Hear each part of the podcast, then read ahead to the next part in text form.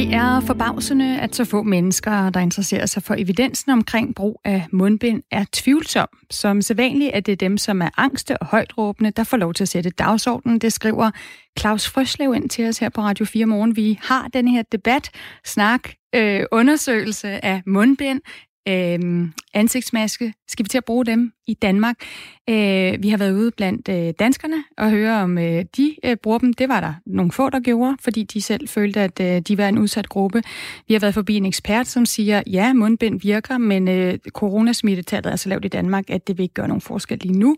Og så skal vi senere på morgen, øh, 10 minutter i 9, tale med øh, Peter Velblund øh, fra Enhedslisten, som, øh, hvor man måske mener, at det giver mening allerede nu, at øh, danskere bruger mundbind i bestemte situationer situationer. Skriv ind til mig, skriv ind til min producer, Sara Husted Meyer, der sidder klar på 1424. Start din besked med R4. Hvad synes du om den her mundbindsdiskussion? Er det noget, vi skal til at bære her i Danmark? Vi skal også nå rigtig meget andet i den her time. Vi skal forbi den store historiske aftale, der er nået i EU. Vi skal tale om øh, brændte koalaer og hvordan de er blevet reddet i Australien. Vi skal også øh, tale om landsforræderi. Men vi starter øh, ja, ikke i Hongkong, men om Hongkong, fordi forholdet mellem Kina og Storbritannien, det kølnet alvorligt efter, at Storbritannien i dag meddelte, at de suspenderer en 30 år gammel udvekslingsaftale mellem Hongkong og Storbritannien. Og nu kan jeg sige uh, godmorgen til dig, Lone Tejls. Godmorgen. Godmorgen. Du er journalist og tidligere London-korrespondent for, for politikken. Lone Tejls, hvad er det helt præcis, den britiske regering har gjort? Altså man har i de her 30 år, der har man jo haft sådan en øh, udleveringsaftale, som mange lande har jo indbyrdes, hvis der er nogen, der øh, skal udleveres til retsforfølgelse osv. Øh, og den har britterne altså valgt at suspendere. Og sådan helt primært så har de gjort det på grund af, at øh, Kina har strammet lovgivningen omkring Hongkong. Som vi jo ved, har der været masser af pro-demokratiske demonstrationer. Øh, og de nye love, som er trådt i kraft her øh, fra slutningen af juni, det betyder, at øh, man kan risikere at komme i fængsel på livstid øh, for at demonstrere, og at øh, folk, som er i Hongkong, de kan blive taget til Kina, altså til fastlandet Kina, øh, og blive retsforfulgt øh, og afzone der. Og det vil britterne altså ikke være med til, og derfor siger de fra nu. Og hvorfor er den her beslutning om at suspendere den her udleveringsaftale med Hongkong så, så opsigtsvækkende, at vi, vi, vi ser Kina reagere? Jamen, øh, det signalerer jo et skifte, kan man sige, i, øh, i Storbritanniens måde at handle på og, og holdning til Kina. Altså, Storbritannien har hele tiden været nødt til at balancere lidt på en knivsæg, fordi på den ene side, så øh, har de jo et ansvar, kan man sige, for Hongkong i den forstand, at det var en tidligere britisk øh, besiddelse, som er overgået til Kina, og der lavede man en aftale om, at Hongkong ville få lov til at bevare sine demokratiske rettigheder i 50 år frem. Øh, så det føler Storbritannien et ansvar for. På den anden side, så står Storbritannien sådan reelt i en situation, hvor der er Brexit, øh, og de er meget, meget interesserede i at få en god handelsaftale med Kina. Så det er noget af en balancegang, øh, Boris Johnson og hans regering er ude i her. Og det er jo ikke øh, den eneste kur, der er på tråden mellem de to lande. Øhm. Nej, altså der har været øh, flere sager sådan, øh, nu, der har ledt op til, at man ligesom skærper tonen over for Kina. Øh, for det første, så har man jo... Øh, været meget bekymret over de øh, forhold, som der er gældende for den muslimske flintersal, øh, mindretal i øh, Xinjiang-provinsen. Og øh, i sidste uge så kunne man altså høre, at øh, Kinas ambassadør i Storbritannien var i BBC for at prøve at forklare øh, nogle filmoptagelser, hvor man kunne se, at øh, hvad der angiveligt er kroneragede muslimske fanger, der har bind for øjnene, der bliver ført øh, ind i forskellige tog. Øh, og hans svar var, at det vidste han ikke rigtigt, hvad der var for noget, men måske var det bare sådan en helt almindelig fangetransport fra et fængsel til et andet. Jeg tror måske faktisk, vi har et klip her. Lad os lige prøve at høre. Can I ask you why people are kneeling, blindfolded, and shaven, and being led to trains in modern China? Why? What, what is going on there? I do not know where you get this videotape. You know, sometimes you have a transmit, uh, your transfer of a prisons and uh, prisoners you know, in any country. Hvordan, uh, Lone Tejls, har man reageret på det her i befolkningen? Jamen altså, øh, der, er, der er et krav om, at man ligesom skal indskærpe over for Kina, at øh, man selvfølgelig skal øh, følge menneskerettighederne. Og øh, vi hørte også øh, Dominic Raab, øh, da han meddelte, at øh, han suspenderede den her aftale, så lagde han vægt på at, at sende den her besked til Kina. Vi vil godt have et øh, fint forhold til Kina, men Kina skal vide, at vi holder øje med jer, og hele verden holder øje med jer lige nu. Så er der også handelsområdet, hvor man skulle tro, at britterne vil være forsigtige, øh, nu hvor de på grund af Brexit jo meget gerne vil have andre handelsaftaler på plads uden for Europa. Hvad er der sket der? Jamen, øh, der har jo været en, øh, en meget prekær situation, som Storbritannien har, har befundet sig i, fordi at, øh, ligesom alle andre lande, eller mange andre lande, så skal Storbritannien jo i gang med at etablere et 5G-netværk. Og den kontrakt havde de sådan set givet til Huawei. Men øh, så greb amerikanerne ind og sagde, øh, hør her, øh, hvis I giver den kontrakt til Kina, så kan vi jo ikke have nogen øh, fortrolig kommunikation med jer, og så må vi simpelthen afbryde samarbejdet, hvad angår efterretningstjenester osv. Øh, så det endte altså med, at Storbritannien de måtte øh, bøje af for det amerikanske pres, og så øh, sige til Kina, at der er ikke nogen aftale med Huawei alligevel, det må vi simpelthen opsige. Og det har irriteret Kina meget, meget voldsomt. Hvordan er alt det her blevet modtaget i, i Beijing? Altså, vi snakker jo både om suspendering af udleveringsaftalen, vi snakker om Huawei, vi snakker om kritik øh, af øh, menneskerettigheder. Øh, hvordan er det blevet modtaget? Altså indtil videre, så har vi hørt fra den øh, kinesiske ambassadør, som har sagt, at han, øh, han synes, det er utilstedeligt, at øh, Storbritannien øh, blander sig i, hvad han ser som interne kinesiske anlægner på en så brutal måde. Øh, der er ikke kommet noget konkret, øh, sådan håndgribeligt svar, men det er klart, at øh, Storbritannien må nu indse, at det bliver nok lidt sværere for en fin handelsaftale med Kina. Når man kigger lidt på de andre lande, som har sagt fra over for Øh, over for Kina for nylig, så taler vi USA, vi taler øh, Australien, vi taler Kanada, øh, og der har der altså været håndgribelige øh, sanktioner, både sanktioner mod amerikanske politikere, der har været ekstra tolvtariffer for Australien, og øh, kanadiske øh, statsborgere er blevet arresteret. Så det er sådan nogle af de øh, virkemidler, Kina har. Når det er sagt, øh, så tror jeg, at Kina forventede, at Storbritannien gjorde det her. Øh, altså de vidste godt, der ville komme en eller anden reaktion på stramningen af de her love, så man ikke også det er øh, kalkuleret lidt ind i Kinas øh, udenlands strategi, at, øh, at det her kunne ske. Lone Tejls, altså tidligere øh, Storbritannien-korrespondent, er du overrasket over, at Boris Johnson øh, trods alt øh, går ud og handler så øh, øh, markant i forhold øh, til Kina? Øh, igen kan man sige, at han står i en situation efter Brexit, hvor det også er rigtig vigtigt for ham at få nogle handelsaftaler på plads. Der er ingen tvivl om, at han er nødt til at balancere på en knivsæg. Øh, han kan ikke gå direkte ud og øh, og kritisere Kina for hårdt. Han, han er nødt til at gøre et eller andet, fordi han skal jo stadigvæk ligesom stå i spidsen for demokrati, der tror på menneskerettigheder osv. Så, så, så man kan sige, at han har givet Kina et lille rap over fingrene, men han har ikke øh, stukket det med lusingen. Det sagde øh, Lone Tejl, som er journalist og, og tidligere korrespondent i London. Tak fordi du kunne være øh, med her til morgen og forklare, hvad det er, den her øh, suspendering af udleveringsaftalen aftalen mellem øh, Storbritannien og, og, øh, og Hongkong betyder. Øh, jeg kunne rigtig godt tænke mig også at høre fra den danske regering, hvad øh, deres reaktion er på, hvad der sker i Hongkong, øh, i, og også i forhold til menneskerettigheder i Kina. Vi har hørt fra USA. Øh, Trump har været øh, ret så handlekraftig. Det hørte vi også lige fra, fra Lone Tejls, at vi hørte hørt fra USA, vi hørte hørt fra Australien, vi hørte hørt fra Kanada. Øh, EU har, har ikke sagt noget endnu, øhm, måske fordi vi sidder og forhandler en, en handelsaftale med, med Kina. Nu trækker Boris Johnson og Storbritannien så også en streg i sandet. Hvor står Danmark i den her sag? Det kunne jeg rigtig godt tænke mig at vide. Øhm, jeg vil gerne lave en stående invitation. Vi har prøvet flere gange, men vil gerne lave en stående invitation her på Radio 4 morgen til udenrigsminister Jeppe Kofod til at komme med på Radio 4 morgen og fortælle, hvad den danske Kina-strategi er. Det er jo ret let for danske politikere at gå ud og løfte pegefingeren over for danske skoler og uddannelsesinstitutioner, når de for eksempel modtager penge eller undervisningsmateriale fra Kina. I dag diskuterer vi alle sammen, om DTU er gået for langt i et øh, forskningssamarbejde. Hvad med det officielle Danmark? Øhm, hvad med danskere, der nu ikke kan rejse til Hongkong uden at risikere fængsel? Er vi klar til at give opholdstilladelse til, til borgere fra Hongkong, ligesom man er i Storbritannien? Skal vi sende pandaerne tilbage? Det kunne jeg godt tænke mig at høre fra Jeppe Kofod. Jeg kunne også godt tænke mig at høre din holdning. Øh, skriv ind øh, til mig her på 1424. Start din besked med R4. Morgens store nyhed, det er jo, at der er faldet en øh, aftale på plads i Bruxelles i nat, og derfor siger jeg godmorgen til dig, Mads Anneberg.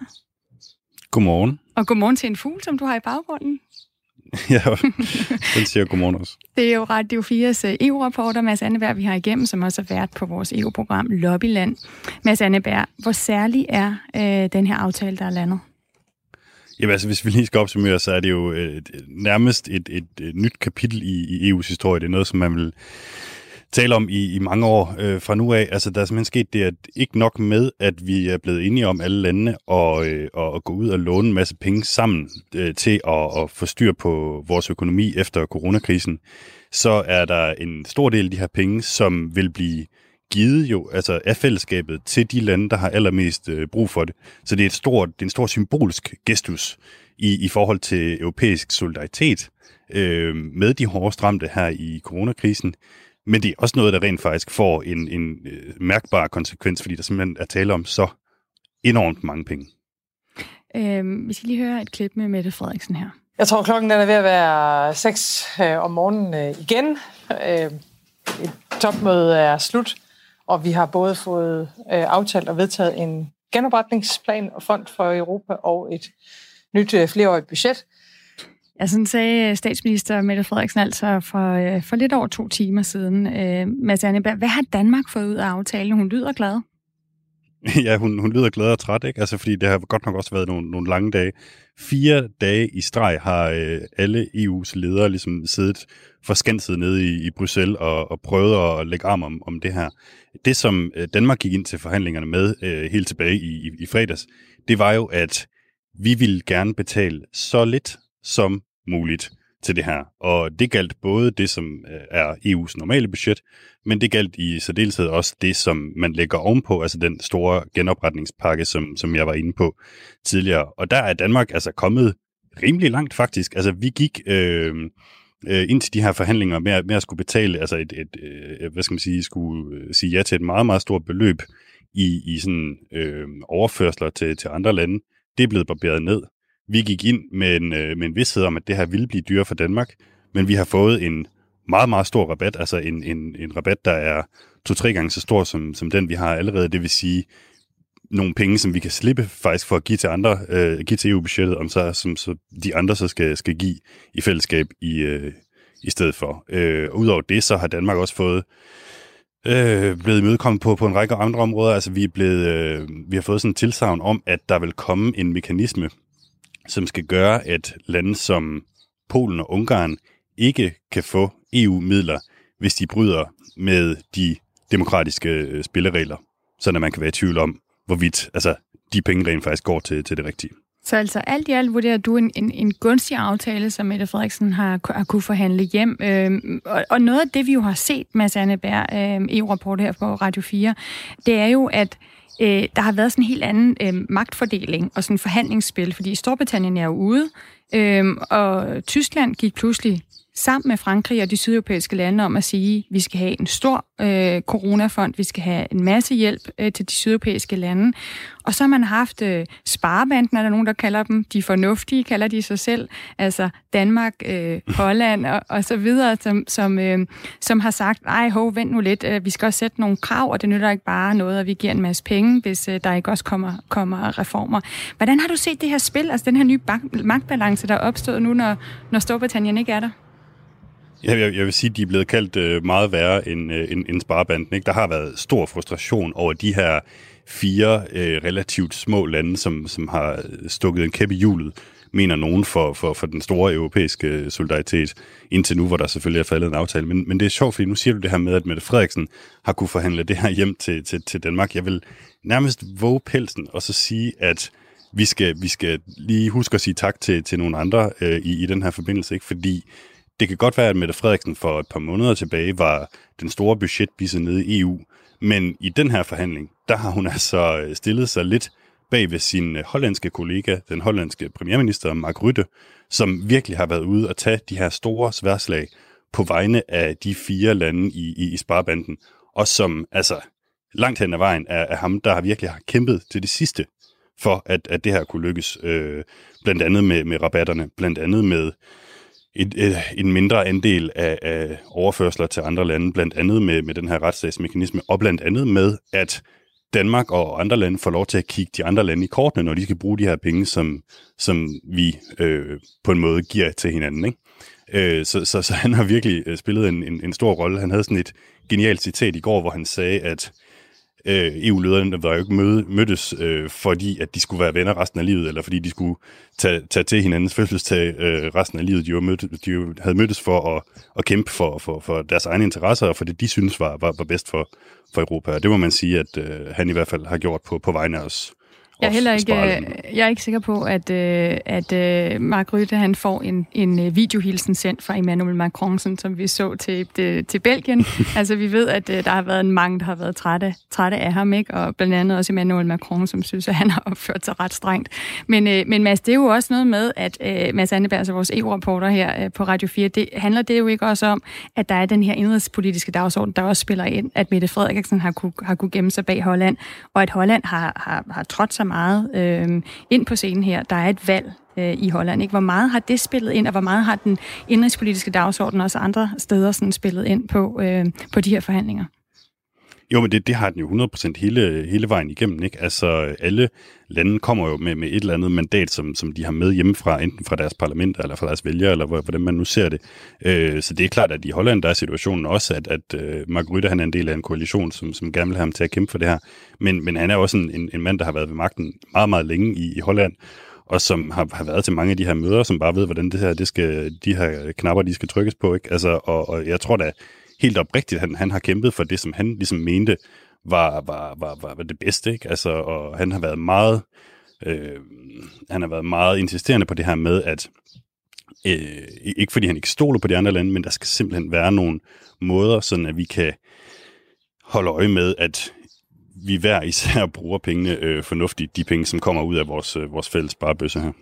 Og så lige til sidst, øh, Mads Anneberg, øh, der er jo også en pris. Øh, vi har, Danmark har fået en, en masse blandt andet at være med i den her gruppe, som har forhandlet benhårdt.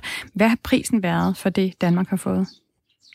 Jamen, det, det kan lyde lidt paradoxalt, men altså, øh, når, når der nu er blevet barberet øh, godt og grundigt i den her store genopretningsfond, så er det ikke gået ud over de penge, som, som bliver givet til, til de andre lande. Det, det er gået ud over nogle, nogle helt konkrete ting, såsom øh, fælles europæiske sundhedsinvesteringer, øh, forskning øh, og, og, og den grønne omstilling. Altså, det, det er nogle, nogle, nogle kerneområder jo for, for et land som, som Danmark og jo også øh, for, for Holland, som simpelthen øh, har været nødt til at, at blive skåret meget, meget, meget kraftigt ind til benet. Og, og det kan jo lyde øh, jamen det kan jo lyde åndssvagt i, i sådan en coronasituation her, at man, at man skærer på, på forskning og på, på sundhed og sådan noget, men, men det er simpelthen været nødt til at være det, der skulle til, fordi de andre lande jo Altså øh, for eksempel nede i Sydeuropa har, har stået benhårdt på, jamen, altså de, de skulle jo have det, som, som, som, som de ligesom skulle, skulle have i den her forbindelse, for at de kunne komme øh, op af, af grøften igen. Øh, og, og, det er jo også, og det, og det har de jo så fået, og de har også været ude at spinde det her som en sejr. Det samme har de østeuropæiske lande, øh, og, og på, på en måde, så kan man sige, det har virkelig også været en, en forhandling, hvor der har været så mange elementer i spil, at alle nu kan komme hjem og sige, se alle de ting, som, som, som jeg har fået. Så det er ikke kun Danmark, der, der, der, der trækker sig sejrigt ud af det her. Det, det gør stort set alle faktisk. Og det er vist definitionen på et kompromis, som I altså nu har fået i EU. Tak for at være med, Mads Anneberg, vores EU-rapporter her på Radio 4. Selv tak. Godmorgen. Godmorgen.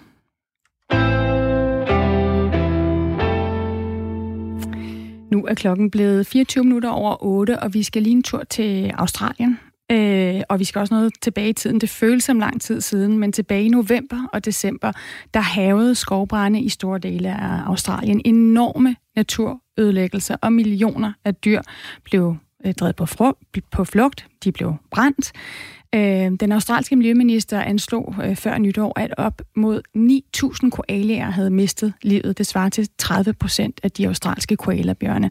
Her på Radio 4 Morgen, der har vi fulgt den her historie længe. Vi talte i sin tid med Sam Mitchell, der sammen med sin kone Dana ejer Kangaroo Island Wildlife Park, en, øh, en dyrepark, der efter branden på øen øh, blev forvandlet fra dyrepark til dyreinternat. You know, first initial look, it didn't look too bad, but then once we seen its feet, um, the bone was exposed, its feet had completely melted off. Her fortalte Sam Mitchell altså, hvordan nogle af de koalier, han og konen havde reddet, var, var ramt af, af branden. Øh, deres øh, øh, fødder øh, var blevet fuldstændig øh, brændt, øh, brændt af. Nu er der så gået øh, et halvt år. Øh, der er ikke øh, længere skovbrænde, men der er corona, som fylder i vores bevidsthed. Øhm, og derfor så ringede jeg lige igen til Sam Mitchell i Australien for at høre, øh, hvordan det står til dernede. Det er jo simpelthen, fordi vi prøver at følge op på nogle af de historier, vi har fulgt øh, her på Radio 4 Morgen her øh, over sommeren. So Sam, when we last spoke in December last year, the fires had, had closed in on your sanctuary and, and your family had left um, Kangaroo Island yes. um, and, the, and the Wildlife Rescue Center. What happened? Um, so there was two two nights where the fire threatened the property, um, and and over those two nights is when fifty percent of Kangaroo Island was burnt. Jeg spørger her øh, Sam Mitchell, hvad, hvad det var, der skete efter, at brændende havde tvunget ham og hans familie til at, til at forlade øh, deres, øh, deres hus. Og Sam fortalte, at, at branden, øh, altså tæt på hans families øh, ejendom på det her sanctuary, det rasede i to nætter. Og i løbet af de to nætter, der blev halvdelen af øen, som dyreparken ligger på, fortæret af ilden. Det endte altså med, at øh, Sams kone Dana og deres lille søn øh, måtte evakuere. Sam blev på øen øh, og, og fik fik hjælp af nogle lokale beboere med at prøve at øh, beskytte øh, det her øh, dyreinternat, som de havde lavet. Der var i starten... Øh, øh, nu skal jeg lige se, om jeg kan finde rundt i, i hvor jeg var nået til her. Øh, der var rigtig mange øh, koalier, der kom ind på det her tidspunkt, at forbrændte koalier, der havde brug for hjælp. Det fortæller sig Mitchell om her. We're still actually receiving koalas. Um, as the fire was burning, emergency services were dropping them off. Um, we were fortunate enough to be spared from the fires, but um, over the next few months it was pretty extreme. We ended up seeing 700 uh, burn victims um, come through the park for for treatment. Um, not all. Så Mitchell fortæller, at uh, de på et bare på et par måneder fik øh, 700 forbrændte koalabjørne ind. Øhm, de formåede at redde 250 af dem, men de har stadig øh, mange forældreløse koalaer i parken, som, øh, som de forsøger at hjælpe, og de skal give dem flaske. Jeg spurgte Sam Mitchell, hvordan, hvordan det var, øhm, fordi der er jo det her nu med, at vi har fokus på, på corona. Der er ikke så meget fokus på, at der stadig er problemer efter de her brænde, og han sagde, at de, for dem knokler de jo stadigvæk. Altså når man har 50 små koala-babyer, man skal op at give flaske om natten, så er det som at have øh, 50 små øh, babyer. Øh, de koalabjørn, der er blevet sat ud i naturen igen, som det lykkedes med at redde, øh, de har også problemer. You know, it's six months on now, and a lot of those koalas that that are still uh, survived now, uh, you know, didn't suffer injuries too extreme. But the problem that we're facing is um, they might have survived on one or two remaining gum trees that didn't burn, but now they're eating all of the, the food, so we're having to relocate a lot of koalas that are så det der problemet, det er, at de overlevende koalaer, og dem, der nu bliver sat ud, de har ikke nok øh, at føde på, altså de har ikke nok at spise af. De her eukalyptustræer, øh, der er blevet brændt ned, øh, det betyder simpelthen, at der er mangel på mad.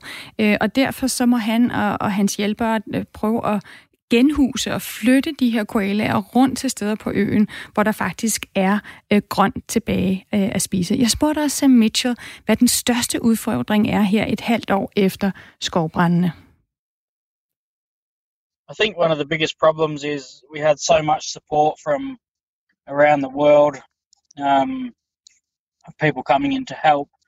And even, you know, in Australia, we had a lot of vet teams from from different states and uh, tree climbers and, and experts in the field, but because of COVID, Så under skovbrændene, så kom folk fra hele verden for at hjælpe, fortæller sig Mitchell. Øh, eksperter, almindelige mennesker. Men det her coronavirusen sat en stopper for os, simpelthen fordi folk ikke må rejse. De øh, hold, der arbejder med at hjælpe koalerne, det er, det er ret små hold, og det er et af de største problemer, øh, som de har nu, siger Mitchell. Siger sig Mitchell, det er simpelthen nu, der er lukket ned på grund af corona. Nu kan de simpelthen ikke få de personer til at hjælpe, som, som de har øh, brug for. Øh, efter brændene, der frygtede øh, australske eksperter, at koalabjørnen kunne, kunne uddø. Øh, Udover de mange dyr, der døde i brændene, der tror sygdomme også koalabjørnens overlevelse. Sam Milche, han, øh, han kæmper nu sammen med mange andre i Australien for, at den her dyreart, øh, den kan overleve. The fight's not over yet. Um, you know, the, the burn victim koalas that, that come through the the damage that they suffered from those fires um, is one thing, but the the species, the koala species, uh, are under real pressure at the moment. So Ja, Mitchell fortæller, at der stadigvæk en ting er brændende, men selve koala, øh, koalerne er simpelthen øh, stadigvæk troet med udryddelse. Vi følger altså de her historier på Radio 4 morgen, følger op på dem hele sommeren. Nu er klokken halv ni, og der er nyheder.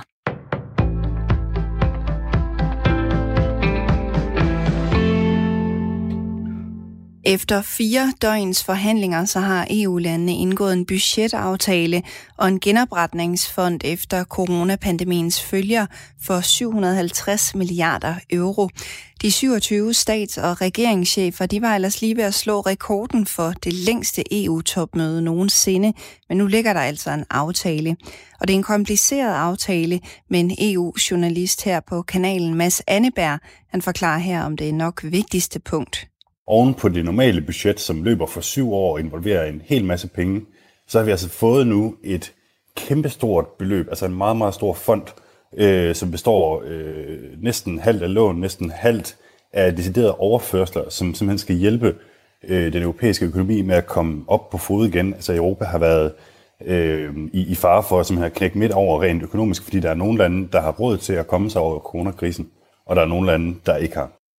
Der er mange dele af aftalen, som kommer til at påvirke Danmark både direkte og indirekte, og især den nye store EU-rabat, den kommer til at få betydning, fortæller Mads Anneberg. På, på den økonomiske front, der har vi øh, udsigt til, at øh, regningen den bliver simpelthen dyrere. Det gør den af en lang række årsager, blandt andet øh, Brexit. Men til gengæld, øh, så er der nogen, der har banet vejen for, at øh, Danmark kan få en meget, meget, meget stor EU-rabat. Så det vil sige, at Øh, hvad skal man sige, vi har lige nu en rabat på 1 milliard kroner cirka om året. Den bliver næsten tredoblet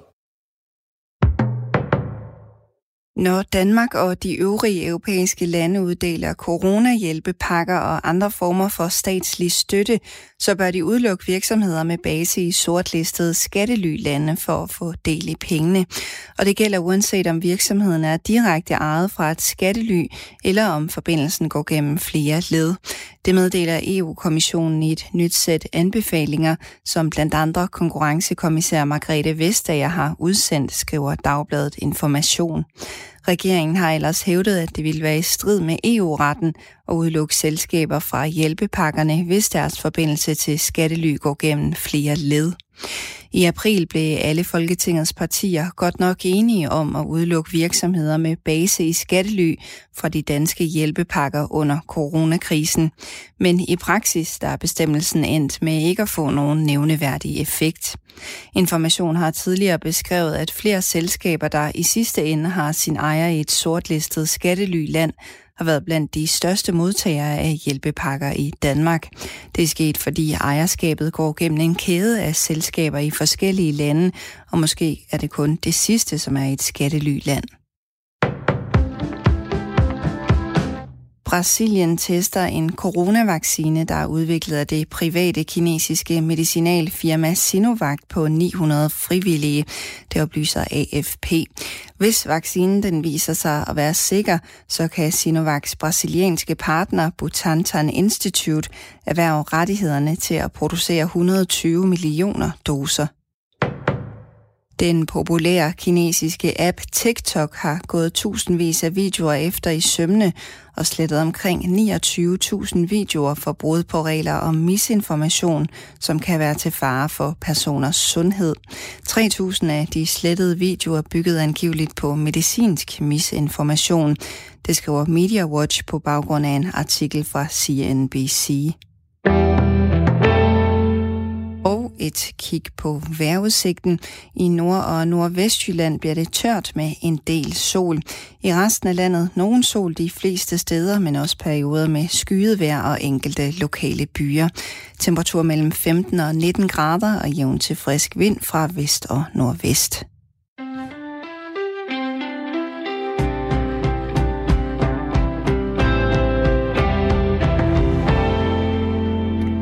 Hvordan øh, håndterer vi de mundbind? Må man vaske dem, eller er det et engangsbind? Og hvad koster de? Øh, det har jeg ikke hørt noget om i dagens program. Øh, det skriver Carsten Hense. Altså, det er nogle af de spørgsmål, vi får ind om den her debat om, vi skal til at bruge mundbind i Danmark. Og det er jo klart, at så kommer der også de her praktiske spørgsmål. Kan man egentlig bruge dem igen og igen? Øh, jeg kan selv fortælle, Carsten, at øh, jeg brugte et stofmundbind i USA. Det vaskede jeg et par gange, men jeg brugte det flere gange, øh, og jeg har læst, at man faktisk vist nok skal skifte mundbind hver tredje time, og jo skal være meget påpasselig, når man tager det af, hvis det skal virke. Så der er rigtig mange spørgsmål videre. Vi, vi taler videre om det her med mundbind med Peter Velblund, som er sundhedsordfører for Enhedslisten. Er det noget, vi skal til at gøre mere af? Du kan skrive ind til os på 1424. Start din besked med R4. Men nu er vi kommet til Radio 4 Morgens rundtur i øh, det danske land. Øh, vi tager øh, hver morgen øh, her over sommeren, øh, der får vi hjælp glimrende hjælp fra alle de flittige journalister og redaktører, der har fingrene nede i, hvad der sker rundt om i landet. Vi kender jo vores egen baghave eller lokalområde, men hvad foregår der egentlig i naboens? I sommermånederne her, der snakker vi med lokale og regionale journalister og redaktører for at lære Danmark lidt bedre at kende. Og her til morgen, der er turen kommet til Syd- og Sønderjylland. Godmorgen, Jens Peter svarer. Nej, undskyld, det er forkert. Vi skal slet ikke til Syd- og Sønderjylland. Vi skal op til Nordjylland. Er det ikke rigtigt, Jens Peter Svar? Det er fuldstændig korrekt. ja. Vi tager lige, vi tager lige øh, op igen. Øh, du er chefredaktør for Nordjyske. Det er fuldstændig øh, korrekt, ja. Og vi vil jo gerne snakke med dig om tre historier fra, fra dit område. Den store principielle, den mere personlige, og så den lille skæve. Og Jens Peter Svar, hvis vi starter med den store øh, principielle. Hvad er historien så der? Jamen, jeg har jo som, ligesom sidst været lidt på jagt i vores øh, produktion og se, hvad, hvad jeg kunne finde frem. Og jeg synes, den principielle historie den her gang, det skulle være en, øh, en status på, på hvad hedder det, Nordjyllands politis uh, spritsrazzia her fra onsdag i sidste uge så frem til og med søndag. Og der må man sige, det beskæmmende resultat, som, som øh, politiet selv betegnede som, det var, at man faktisk kunne tage 51 spritbilister eller bilister, der var påvirket af stoffer.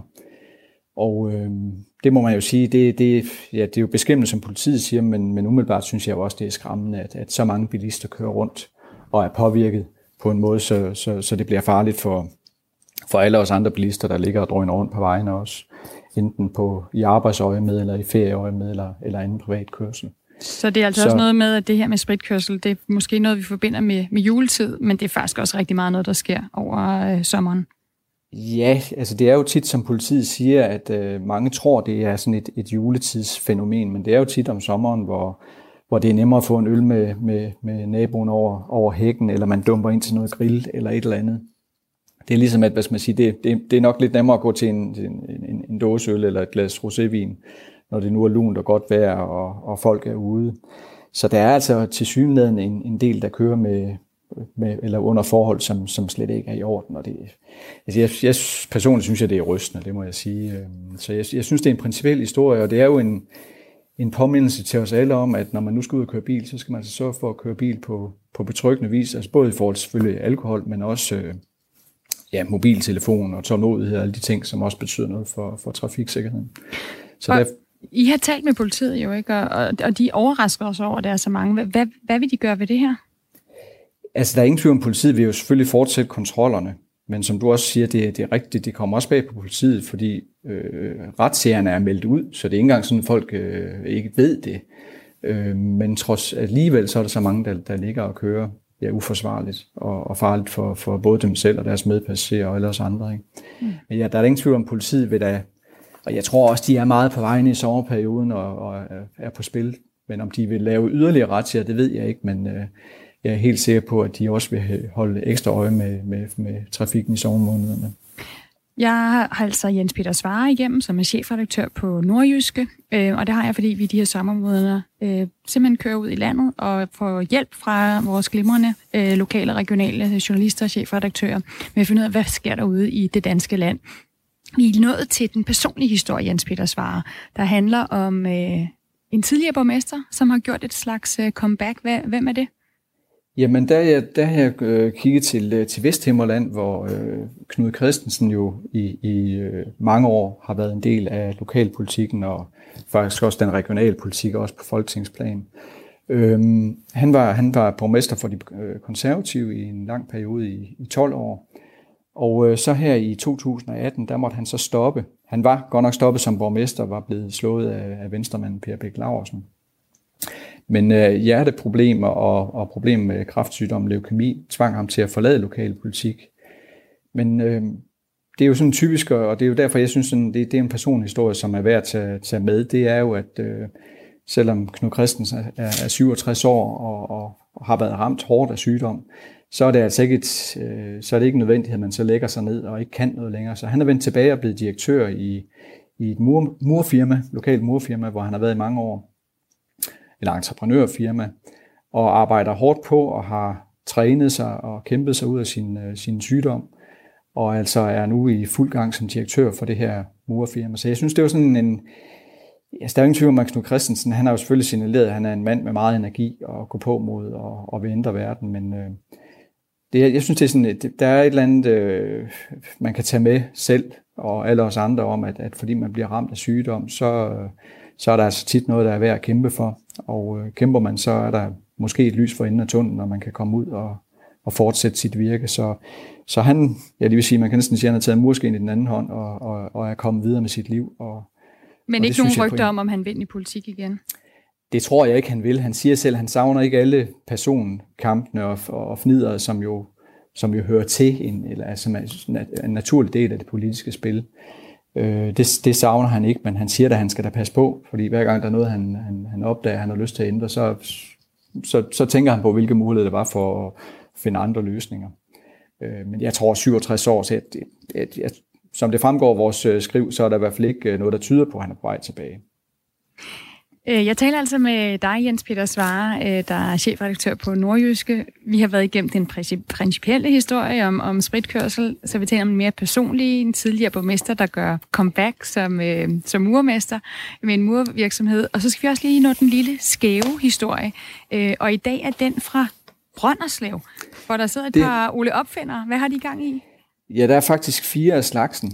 Det er op på noget, der hedder Peders Håb maskinfabrik i Brønderslev. Der er et lille firma, der hedder Airflight APS, som er i gang med at lave noget, som jeg nærmest vil kalde sådan et, et, et Batman-køretøj. Det er sådan en, en, en personlig flyvende bil, kan man sige. Det er en, en, en drone i, i, i overdimensioneret størrelse, som, som det altså er altså meningen, at der skal kunne transportere, øh, nu vil jeg lige sige patienter, men personer. Øh, de er jo stadigvæk på opfinderstadiet, har været i gang noget tid, øh, men som vores billeder i avisen og på nettet afslører, så er de altså så langt, at de har en prototype klar. Altså kan som, man komme øh, op og prøve at flyve i sådan en drone, dronebil? Så langt er de dog ikke. Der er en, der er en hel del regler omkring det. Øh, men de, øh, de regner med, at de snart skal til at prøve af på, på altså pakkepost og, og, og den slags transport. Og så vil de, har de en plan om, at de skal til, øh, til USA til næste år, eller undskyld, om et par år til Las Vegas, hvor de, hvad skal man sige, under lukkede forhold vil prøve det af, og, og altså tage folk, jeg tror, der kommer omkring 42 millioner turister hvert år til, til, til, til Las Vegas. Og så vil de finde et sted, sådan et indendørs øh, sted, hvor de kan prøve den her øh, Batmobil, som de nærmest kalder den, og hvor folk altså kan købe sig til en tur. Så de håber på, at de om et par år er så langt, de kan, de kan hvad skal man sige, lade den, lade den indgå i turistindustrien, men målet er helt klart, at vi om endnu længere tid, altså inden for en, for en årrække, skal, skal, skal se flyvende køretøjer, hvor folk altså kan, kan drøne rundt og ja, tage på arbejde eller så ned og handle i, i sådan en, en, en Batmobil. Så altså en historie om, at det kan være, at det er fra Brønderslev, at den flyvende Batmobil øh, kan blive opfundet. at det er der, vi skal, vi skal kigge til. Og jeg tænker, at øh, hvis der sidder nogen, der tror på, at, øh, at øh, det er Brønderslev, at det sker, øh, og det er der, at der er kæmpe innovation, og der sidder nogle opfindere, der faktisk kan få den her drone op at flyve, så øh, er der sikkert også nogen, der, der har brug for noget hjælp og noget kapital, og, noget, og nogen, der er interesseret i, i det projekt. Der er det ikke noget med, at de lige nu øh, bare bruger deres egne lønninger på at Jo, det er to, projekt? Jo, det er rigtigt. To af de fire, de, de spytter penge i det ud fra deres egen lønningspose. Øh, så de er selvfølgelig de er jo hele tiden på jagt efter investorer, øh, der kan være med til at, at, at skubbe yderligere til projektet. Men det er klart, de håber jo selvfølgelig snart, eller så snart de ligesom kan begynde at bevise, at, øh, at, at, at tingen, mobilen fungerer, eller dronen fungerer, øh, så, så kan der komme yderligere interesse for, for folk, der kan, der kan spytte nogle penge i det. Tusind de... tak, øh, Jens Peter Svare, chefredaktør på Nordjyske, for at være med til at fortælle om spritkørsel, om øh, øh, en borgmester, der gør på en comeback som øh, med en murvirksomhed, og så også altså den her Batmobil. Det synes jeg måske klart er det, jeg er mest fascineret af her til morgen. Øh, der kan simpelthen komme en, øh, en opfindelse, en Batmobil ud af, øh, af Brønderslev. Det er ret vildt. Tak for at være med. Selv tak.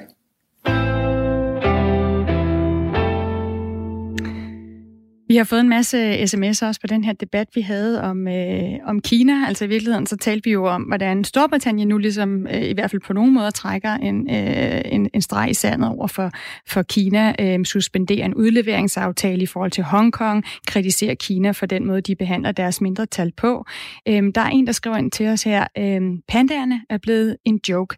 Alle ved, at Kina kun giver dem til folk, der retter ind. Det er på tide, at vi også forholder os til Tibet, Hongkong og Taiwan. Vi øh, snakker så meget om danske værdier og demokrati her i landet. Det klinger lidt hult, når vi kaster det hele over styr for at kunne købe billige plastikvarer. Så drop Kina, det er godt for os selv, vores medmennesker og miljøet. Det er en no-brainer. Øh, Axel skriver også ind, godmorgen, jeg mener, vi burde stoppe alt handel og samarbejde med Kina. Havde nazisterne haft lige så gode handelsaftaler og et stort marked at sælge til, var vi åbenbart ikke gået i krig med dem. Du kan også skrive ind til os øh, på, på 1424 Øh, start din besked med, med R4. Vi vil meget gerne tale videre om den her debat om, om Kina, og jeg vil meget, meget gerne høre fra regeringen, hvor Danmark øh, står i, i den her debat. Er vi simpelthen bare for lille et land til, at vi øh, tør øh, sætte os op imod øh, Kina? Har vi for mange øh, handelsaftaler på spil? Det kunne også være, der sad nogle af jer lytter derude øh, og synes, at, at vi ikke skal gå ud og kritisere Kina, fordi det er rigtig, rigtig vigtigt med for eksempel svineeksporten i Danmark. Hvad betyder det øh, for dig? Skriv ind til øh, mig på 1424. Start din besked med R4.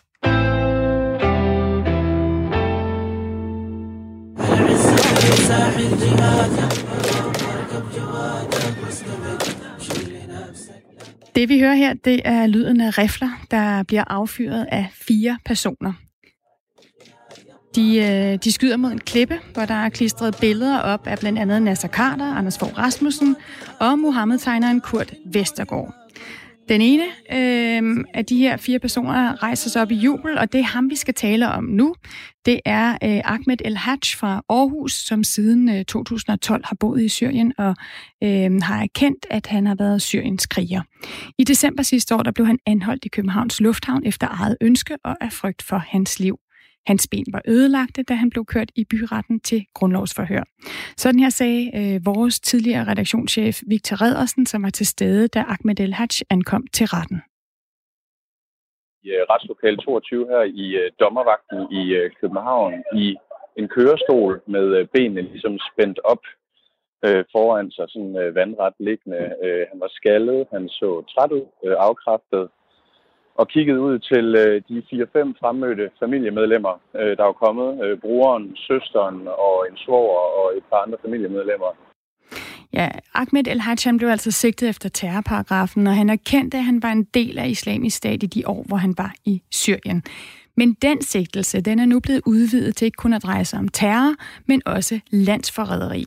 Ved et retsmøde i Københavns Byret den 22. juni, der blev grundlaget for øh, varetægtsfængsle øh, Ahmed El Hajj i hvert fald ændret til at omfatte en af de såkaldte landsviger eller landsforræderparagrafer. Det skriver Berlingske. Og nu har vi øh, Frederik Harhoff, der er professor emeritus ved Syddansk Universitet og tidligere dommer ved FN's tribunal øh, til pådømmelse af krigsforbrydelser i det tidligere Jugoslavien igennem. Godmorgen til dig. Godmorgen. Og godmorgen til en hund måske, der er i baggrunden. Undskyld, ja, det Det er okay. Den vil også gerne sige noget om landsforræderi. Øhm, du var også med i går, Frederik Harhoff. Øhm, der havde vi lidt knas med forbindelsen. Det er derfor, vi prøver med, med telefonen. Vi ser lige, om det går bedre i dag. Hvor usædvanligt er det, at man benytter den her sigtelse om landsforræderi? Det er jo første gang, så vidt jeg ved, at denne bestemmelse i strafloven er blevet benyttet. Og øhm, øhm, øh, så, så, så det er usædvanligt. Altså, strafloven blev ændret i 2015, og, og formålet med lovændringen dengang var netop, at man ville øh, sikre, at man kunne retsforfølge folk, der kæmpede imod den danske stat, øh, ikke bare for en anden stat, og det er jo det traditionelle område for landsforræderbestemmelsen, det der, at man kæmper for en anden stat imod Danmark. Men her blev man altså enige om, at det skulle udvides, således at det var ikke kun, hvis man kæmpede for en anden stat, men også hvis man kæmpede for en væbnet oprørsgruppe, som for eksempel øh, ISIS eller Al-Qaida eller Islamisk Stat, eller hvordan de forskellige forgreninger nu er. Og det, øh, Øh, det var jo en klar lovændring. Det ønskede man dengang.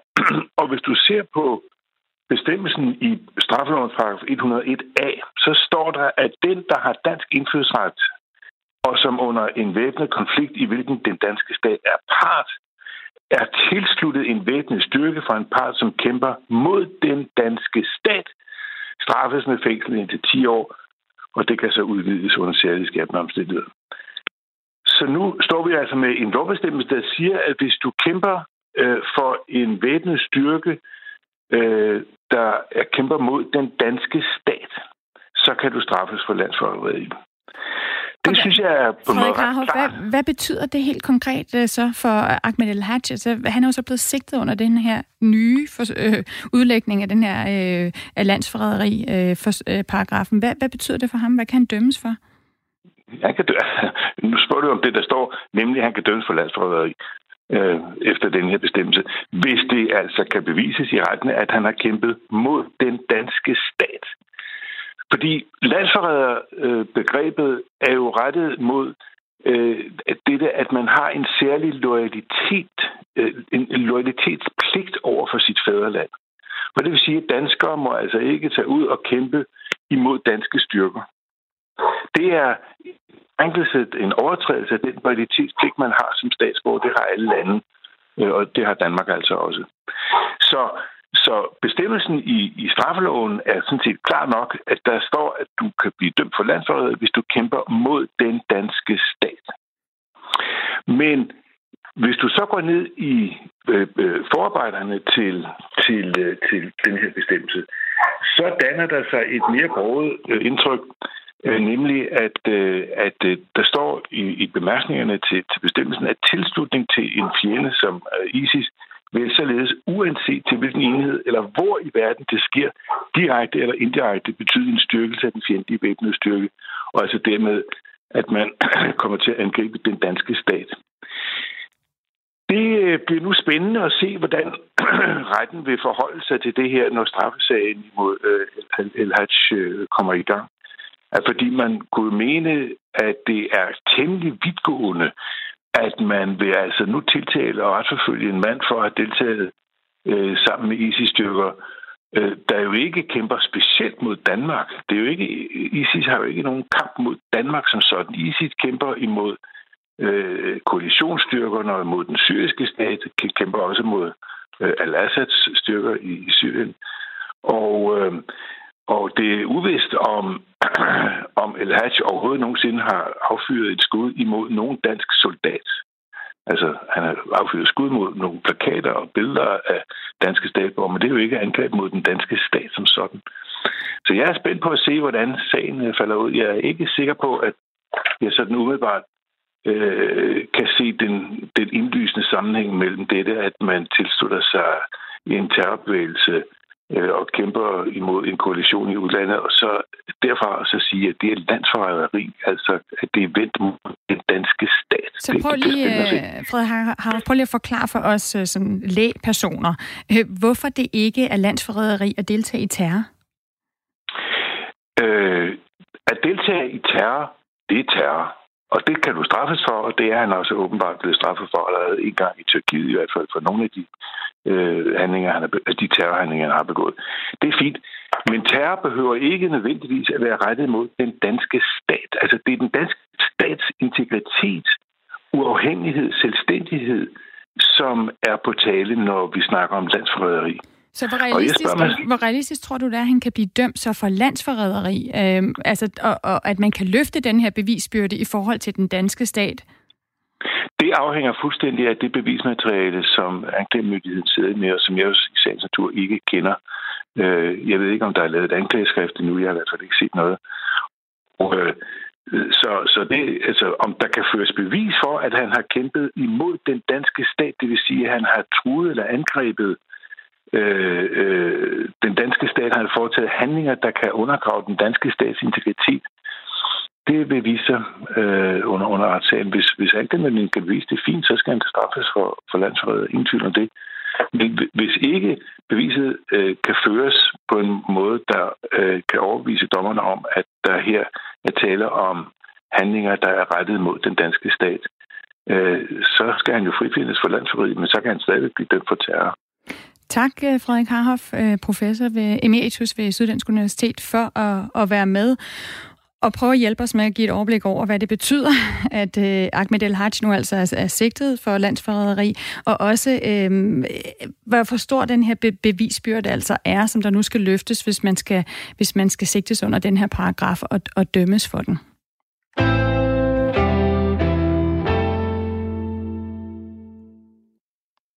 Det ville være en god idé i det offentlige transport, hvis der var udbredt smittespredning, øh, at man så benyttede masker, fordi man så ikke ville smitte andre, hvis man selv var smittet.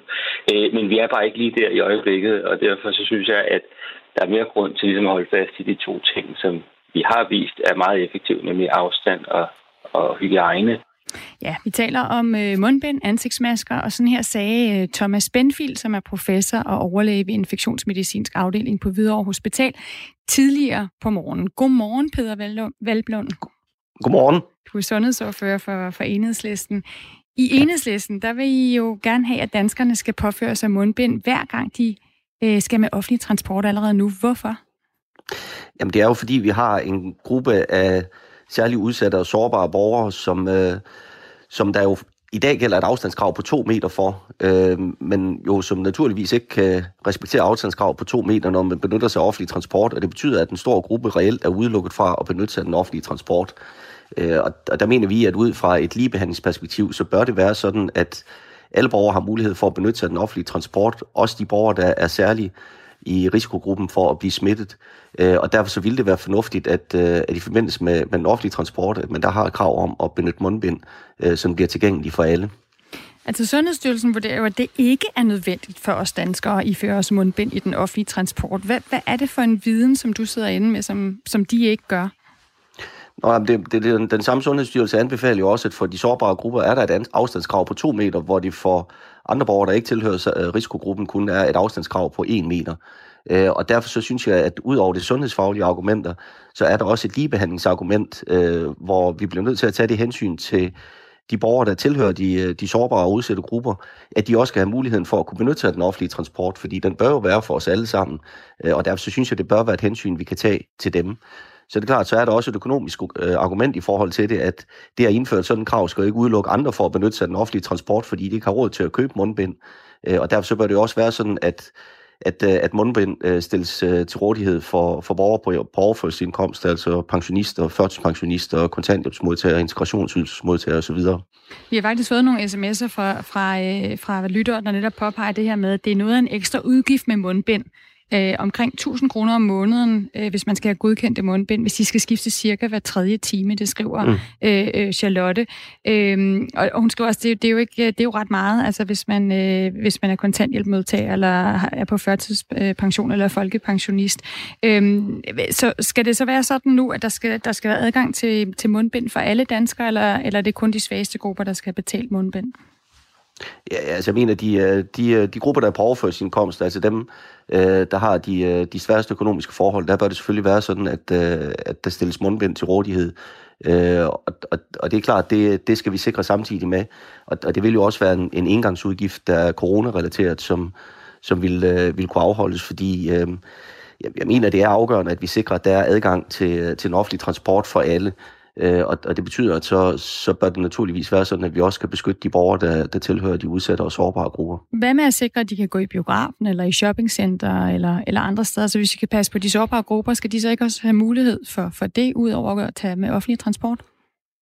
Jo, men nu synes jeg, det at kunne transportere sig til for eksempel både arbejde, til indkøb, til øh, at kunne opretholde social kontakt, er så basal en... Øh, en, en rettighed, at, øh, at den bør vi kunne, kunne sikre gælder for alle. Altså når det gælder det offentlige rum i øvrigt, så er jeg mere tilbøjelig til at læne mig op af, hvad, hvad Sundhedsstyrelsen siger, og følge med i, hvordan smittetrykket udvikler sig. Nu har vi jo heldigvis en, en, øh, en god teststrategi med, med både øh, test og, og smitteopsporing og isolation. Øh, og, og der kan vi følge med og se, hvordan det udvikler sig, og så løbende se, om det, man skulle udvide kravet om brug af, af mundbind. Men jeg mener, i forhold til den offentlige transport, der er der et, øh, et ligebehandlingsperspektiv, som, som bør øh, gælde, så vi kan sikre, at, øh, at de borgere, der er særlig udsat for smitte, det, de kan øh, benytte sig af noget som, basalt, så basalt som det at kunne transportere sig for eksempel til arbejde eller indkøb eller sociale arrangementer. Det sagde øh, du, Peter Velblund, som er sundhedsordfører for Enhedslisten. Tak for at være med her til morgen om den her debat, som vi helt sikkert fortsætter. Skal vi til at bære mundbind? Skal vi have mundbind på allerede nu i den offentlige transport? Men vi når ikke mere her til morgen. Klokken er blevet ni, og øh, nu skal jeg lige have tændt for Signe Ribergaard Rasmussen, som er klar med nyhederne.